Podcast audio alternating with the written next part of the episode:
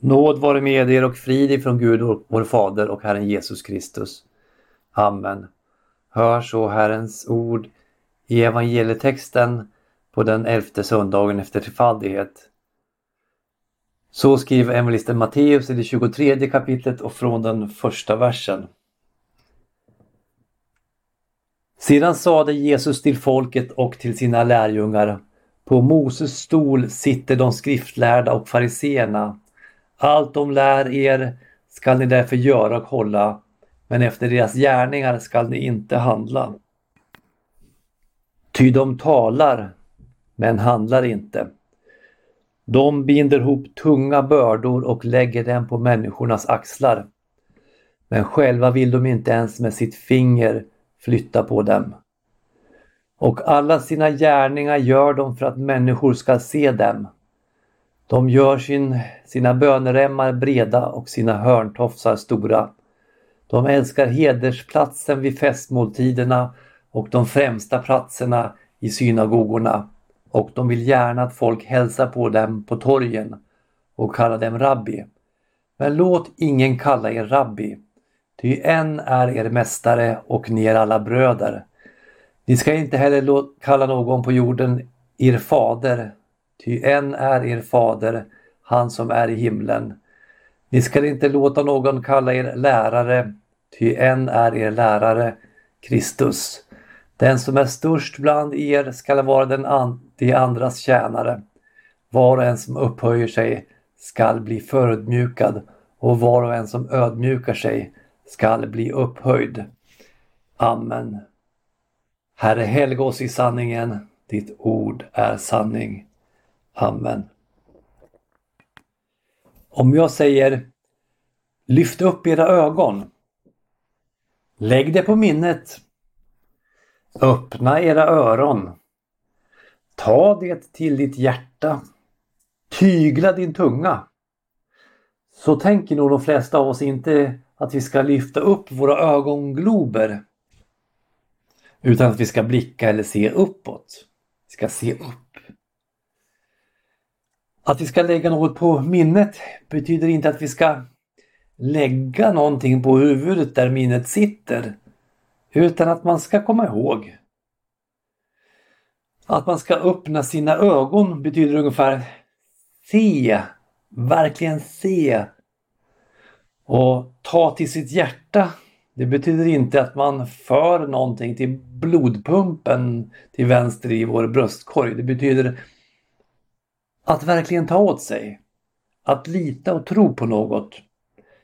En tygel det är en rem som man lägger i hästens mun för att kunna styra denna när man rider. Om jag säger tygla din tunga. Tänk vad enkelt det vore om det betydde att man bara skulle lägga en rem i sin mun och på så sätt styra vad man säger så att man med händerna så att man inte säger någonting dumt. Gud säger nämligen genom Jakob att detta med att tiga när man bör tiga och alltid tala rätt. Det är bland det svåraste som finns. Ja, närmast omöjligt. Han skriver Vi begår alla många fel. Om någon inte felar i sitt tal är han en fullkomlig man som också kan tygla hela sin kropp. När vi lägger betsel i munnen på en häst för att han ska lyda oss styr vi också hela hans kropp. Se också på fartygen som är så stora och drivs av hårda vindar. Ändå styrs de dit rorsmannen vill med ett mycket litet roder. Så är också tungan en liten lem men kan skryta över stora ting. Tänk på hur en liten eld kan antända en stor skog. En sån eld är tungan. En värld av ondska bland våra lemmar. Den smutsar ner hela vår kropp och sätter tillvarons hjul i brand och är själv antänd av Gehenna. Alla slags fyrfota djur, djur fåglar, kräldjur och vattendjur låter sig täm, tämjas och har blivit, blivit tämjda av människan. Men tungan, kan ingen människa tämja. Ostyrig och ond som den är och full av dödligt gift. Med den välsignar vi Herren och Fadern och med den förbannar vi människorna som är skapade till Guds avbild. Från samma mun kommer välsignelse och förbannelse. Så får det inte vara mina bröder. Jakob kapitel 3, vers 2-10. Ja, tänk så mycket enklare det vore man kunde lägga en läderrem i sin mun och styra tungan. Men att tygla sin tunga det betyder verkligen att styra sitt tal. Och här kommer vi alla till korta. Alla, mer eller mindre. Varför tänker vi ens på vad som är enklast? Jag sa ju tänk så mycket, mycket enklare det vore. Ja, varför tänker vi så? Vi känner att vi är ålagda att lyda Guds lag och Guds vilja. Vi fruktar för Guds helighet. Och när vi inte kan lyda hela vägen då tänker vi Vi kanske tänker lätt Kanske menade Gud inte 100 procent. Borde inte Gud förvänta sig någonting som han vet att vi kan lyda med lite god vilja?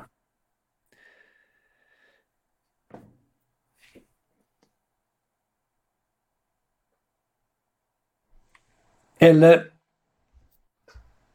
är det så rent av att Gud kräver mer än vi kan lyda?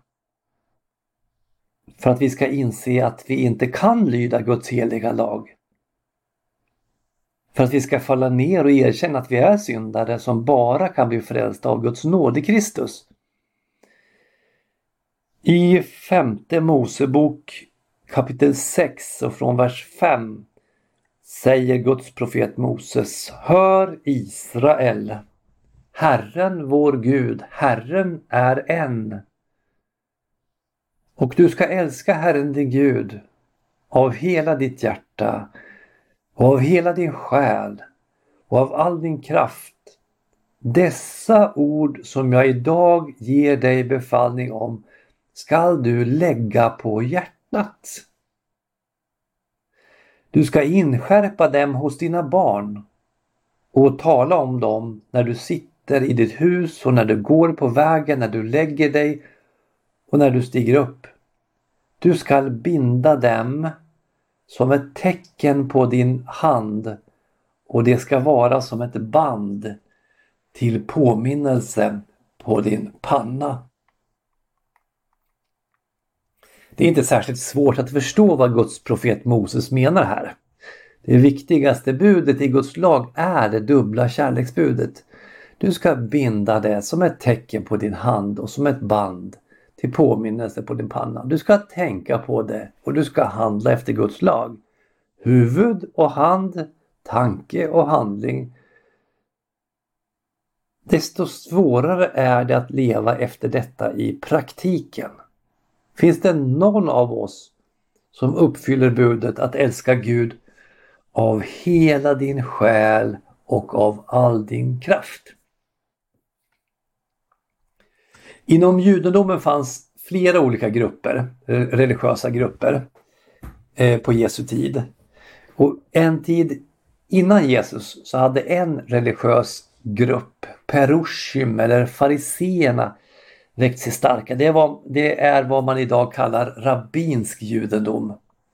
Denna grupp var någonting av en religiös väckelserörelse som värnade om Mose lag och ville föra hela det judiska folket till en äkta och uppriktig lydnad för Guds bud. De inte bara trodde på Mose lag, de trodde också att det var fullt möjligt att leva helt och fullt rättfärdigt i lydnad för Guds bud.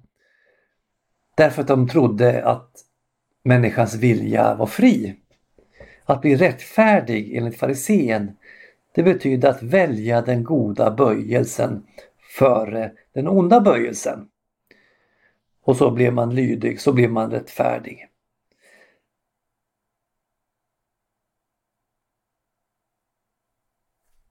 Men hur vet man att man har lydit buden på rätt sätt.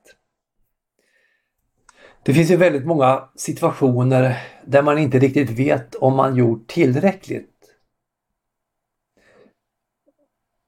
Om man tillämpar buden på precis rätt sätt i rätt situation. Men den rabbinska judendomen, fariseismen, var hjälpsam. Man formulerade principer som förklarade precis vad man fick göra eller inte göra på sabbaten. Vad som exakt är stöld, vad som är en lugn, en vit lögn och så vidare. Inte bara att man inte ska ljuga utan på vilket sätt och i vilka situationer. Så förklarade eh, den rabbinska judendomen, farisismen detta. Deras traditioner var så avancerade eh, att man tyckte att det var viktigt att memorera dem. Att komma ihåg dem. Så att de fördes vidare, de här traditionerna, alltså som en muntlig tradition. Som kom att kallas De äldstes stadgar. Och det var alltså en lärosamling, från början muntligt traderad, som skrevs ner så småningom. Och det skedde ju eh, ett tag efter templets fall. Så skrevs den här muntliga traditionen ner i någonting som kom att kallas Mishnah och Gemara och som blev Talmud, Talmud, en boksamling som numera rymmer eller ja, som rymmer 38 volymer. Men har man rätt att auktoritativt uttala sig om vad Gud verkligen menade i sin lag i Bibeln? Alltså kan, kan vi människor med auktoritet kunna säga att så här, precis så här, det här menade Gud i sin lag. Och så här, på det här sättet ska Guds lag åtlydas. Är det inte då så att man lägger någonting till Guds ord? För Guds lag innehåller ju också många befallningar som man inte kan mäta. Vare sig hos sig själv eller hos andra. Så, man, så att om man... Ta bara det här, det här viktigaste budet i Guds lag. Du ska älska Herren din Gud av hela ditt hjärta, av hela din själ och av all din kraft. Och det som följer. Du ska älska din nästa som dig själv. När de fariseiska judarna, rabbinsk judendom, läste om att man skulle binda sammanfattningen av Guds lag, kärleksbudet, på sin hand och panna så tolkade man det på sitt eget lilla sätt. Man skapade små lådor. Tefillin eller Filakterion som de kallas. Små lådor i vilka man stoppade små pappersrullar med vad då? Jo, med Israels trosbekännelse och kärleksbudet. Och vad gjorde man då med dem?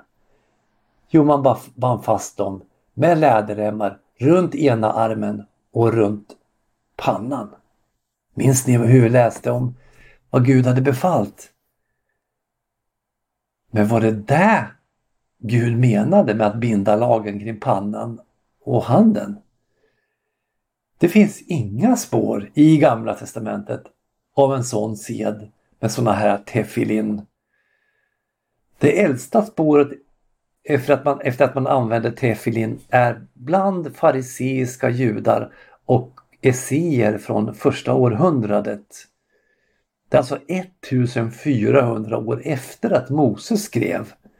Och då ska man ju veta att arkeologin har grävt ut judisk historia som är betydligt äldre än från det första århundradet. Men det finns inga spår av det utom bland fariseerna och eh, troligen esséerna. Skulle man fråga en rabbinsk jude idag eh, om att binda vid hand och panna, om att det inte kanske egentligen betyder att handla och tänka efter Guds lag. Då skulle nog säkert många svara att ja, det, det är så. Men eh, Tefilin påminner oss om, om, om just detta. Och det är ju i och för sig inte fel att binda papperslappar vid pannan och på handen. Men att fariseerna på Jesu tid trodde att de gjorde någonting väldigt viktigt. Det framgår av dagens text där Jesus säger om att de gör sina böneremmar breda.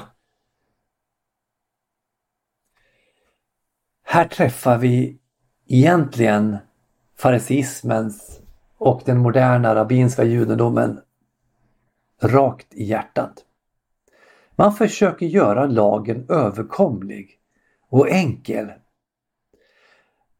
Men för att vi inte ska tro att vi är bättre eller att vi inte lätt frestas till en modern form av fariseism ska jag ta upp en text som, som många kristna också tolkar så att den ska bli hanterbar.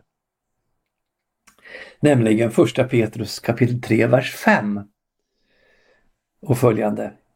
Där står det så här. Er prydnad ska inte vara något yttre, konstfulla håruppsättningar, påhängda guldsmycken eller fina kläder, utan hjärtats dolda människa med den oförgängliga skönheten hos en mild och stilla ande. Det är mycket dyrbart i Guds ögon. Så prydde sig också för de heliga kvinnor som satte sitt hopp till Gud. De underordnade sig sina män.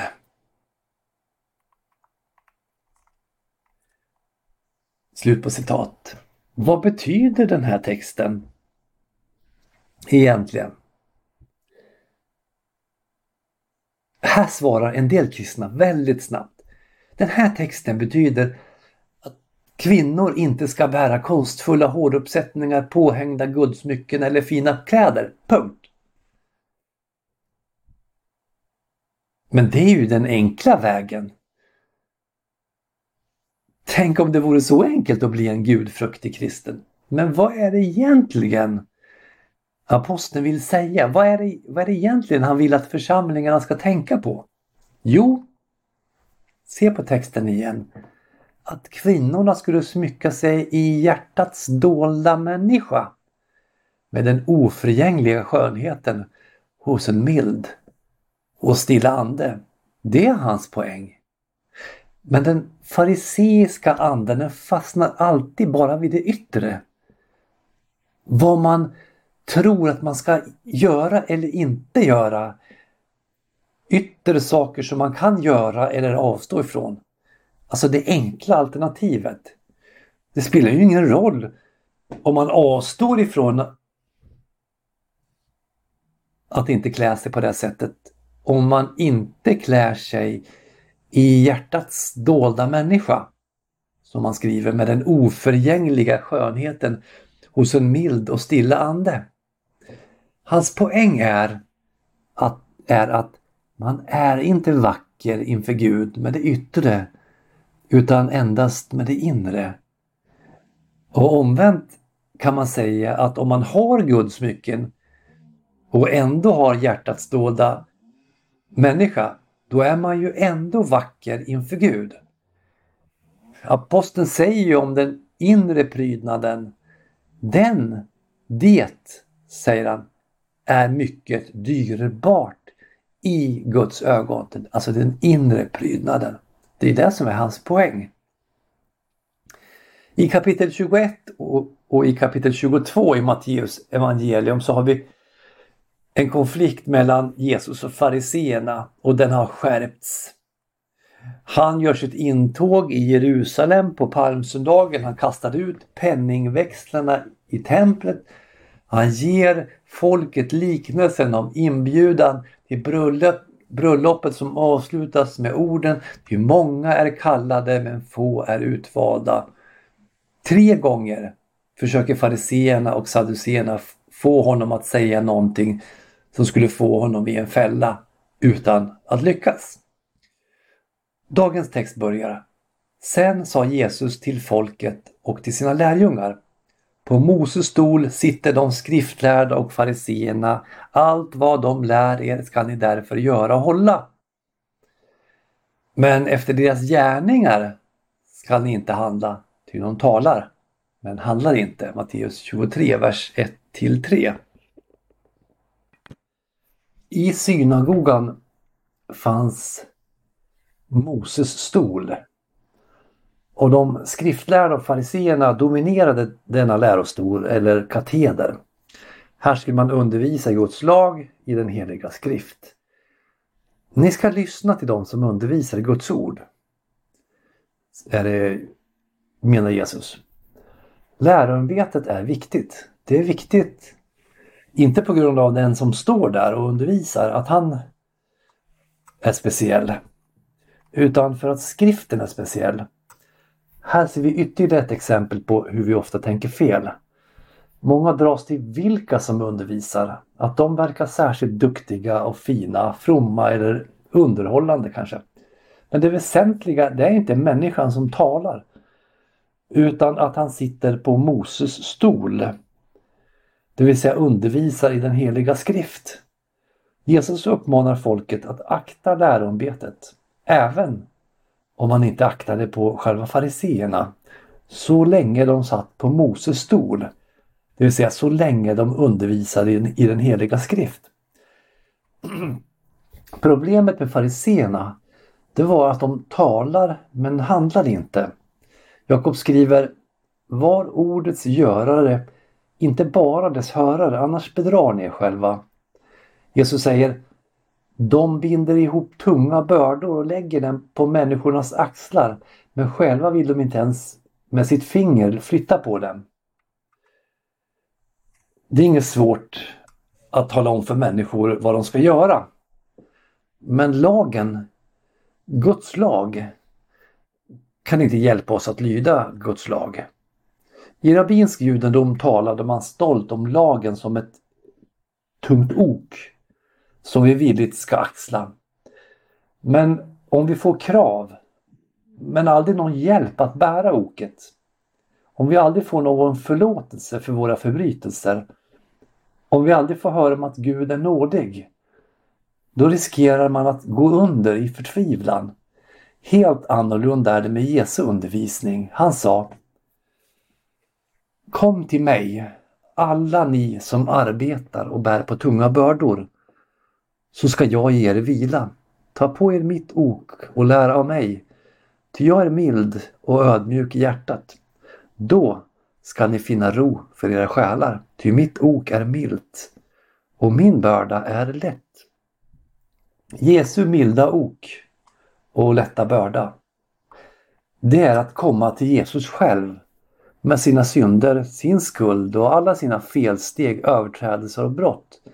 Det är att tro på honom som tar våra synder på sig själv och själv bär dem hela vägen till korset för att straffas för dem i vårt ställe. Genom honom, hans liv, lidande och död äger vi full förlåtelse, rättfärdighet inför Gud och syndernas förlåtelse. Det är att hjälpa människor, inte skälpa dem. Och oket blir lätt eftersom det är Jesus som bär oket. Jesus bär våra synder. Modern kristendom är i allmänhet fariseisk. Det är oftast bara massor av krav. Du ska vara si eller så. Du ska lyda de här principerna. Men lydnaden kan inte ta bort en enda av våra synder.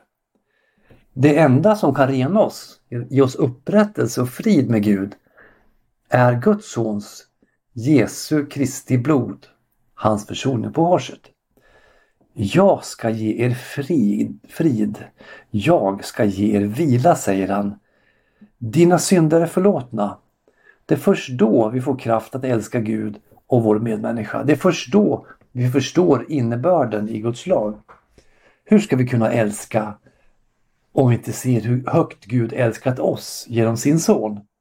Och när vi inser att vi inte kan bli rättfärdiga genom vår egen lydnad, genom våra egna ansträngningar, utan endast och enbart genom Guds nåd i Kristus, endast genom blodet från Kristi kors.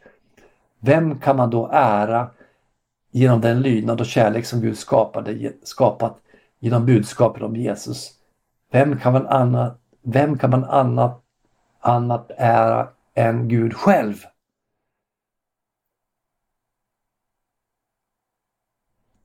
Men om vi på något sätt kan bidra till vår egen frälsning och räddning genom vår lydnad, genom våra ansträngningar. Då ligger ju frestelsen nära att äran åtminstone till viss del kan tillfalla oss. Det var den frestelse som fariseerna föll för. Som Jesus förklarar i dagens text. Alla sina gärningar gör de för att människor ska se dem. De gör sina böneremmar breda och sina hörntofsar stora. De älskar hedersplatsen vid festmåltiderna och de främsta platserna i synagogan och de vill gärna att folk hälsar på dem på torgen och kallar dem rabbi. Kallelsen att vara lärare är Guds uppdrag. Frestelsen handlar om att stjäla äran från Gud.